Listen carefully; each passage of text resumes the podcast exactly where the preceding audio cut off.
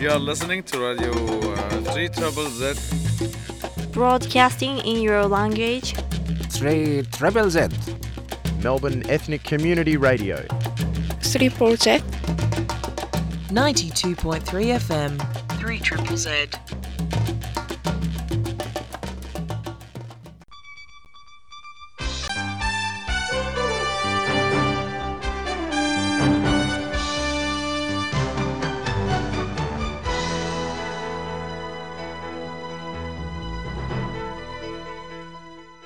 Neues von der jüdischen Welt. Der Studentenverein bei Melbourne Universität hat zurückgezogen eine Resolution wegen Mitteln Misrach, was ein Teil jüdischer Organisationen haben bezeichnet wie antisemitisch. Jüdische Organisationen und die Israel-Regierung haben abgegeben Mazel Tov zu der neuen Labour-Regierung in Australien. Sie haben euch bedankt die alte liberale Regierung für ihr Zugang zu Medinas Israel. Der Nationale Rat von jüdischen Freuen hat geläubt dem Wuchs von der Zahl Freuen in dem neuen Parlament.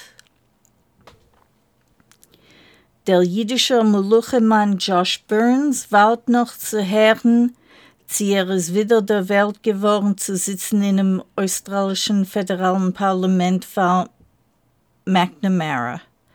Der gewesene Kassierer Josh Freudenberg hat verloren seinen Ort in dem Parlament für Kuyang in die verachtogige Wahlen.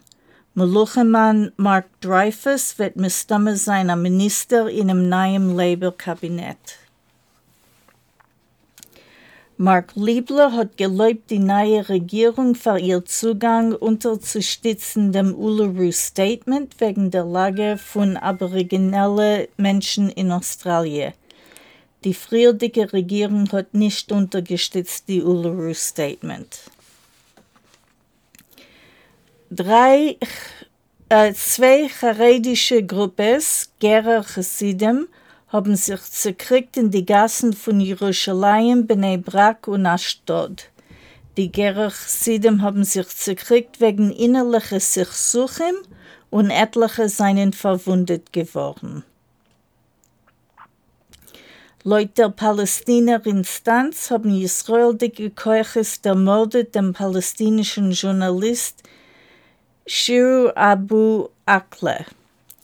Laut Israel Schutzminister Benny Gantz ist das nicht möglich. Ausforschungen von CNN und AP stützen unter die Meinung von den Palästinern. Amerikaner Melucheleit haben gefordert an Ausforschung von dem Mord. Laut Professor Deborah Lipstadt ist der Massenmord in Buffalo gewesen ein Beweis von antisemitischer Ideologie. Der Schießer, hat sie gesagt, hat gewollt sich berechnen zuerst mit Afroamerikanern und später mit Jiden. Antisemitische Anfallen seien gewachsen in der Stadt New York zu 416 Fallen. Zwei jüdische Besäulens in Deutschland seien beschädigt geworden bemäßig von die vorigen paar Wochen. Man sagt, als die Zahl antisemitischer Anfallen im Land ist gestiegen. In derselben Zeit ist die Zahl Verbrechens gegen Christen, Muslimen und Ausländer gefallen. Die Zahl antisemitischer Anfallen in Österreich ist auch gestiegen. Dr. Henry Kissinger hat geäußert, dass Ukraine soll aufgeben die Hoffnung, dass sie wird zurückgewinnen Land, was Russland hat vernommen. Ukraines Präsident Zelensky hat getadelt dem Vorschlag. Der Amerikaner Präsident Biden hat beschlossen, nicht abzumecken, Irans revolutionäre Hitters von Amerikas Liste von terroristischen Gruppen. Israel steht unter dem Beschluss. Ukraines Präsident Zelensky ist auf der Regime von den 100 einflussreichsten Menschen auf der Welt. Eine jüdische Akteuren seien euch auf der Regime wie euch Geschäftsleit. Der Haupt von Juniors Restaurant in Brooklyn fehlt an, mit der Prof abzukaufen private Bixen und sei abzuschaffen. Derweil hat er abgeschaffen 69 Bixen. Er sagt, dass laut ihm wollten 18-Jährige nicht gedarf Toren kaufen, kein Gebixen. You are listening to Radio uh, 3 Trouble Z. Broadcasting in your language. 3 Triple Z. Melbourne Ethnic Community Radio.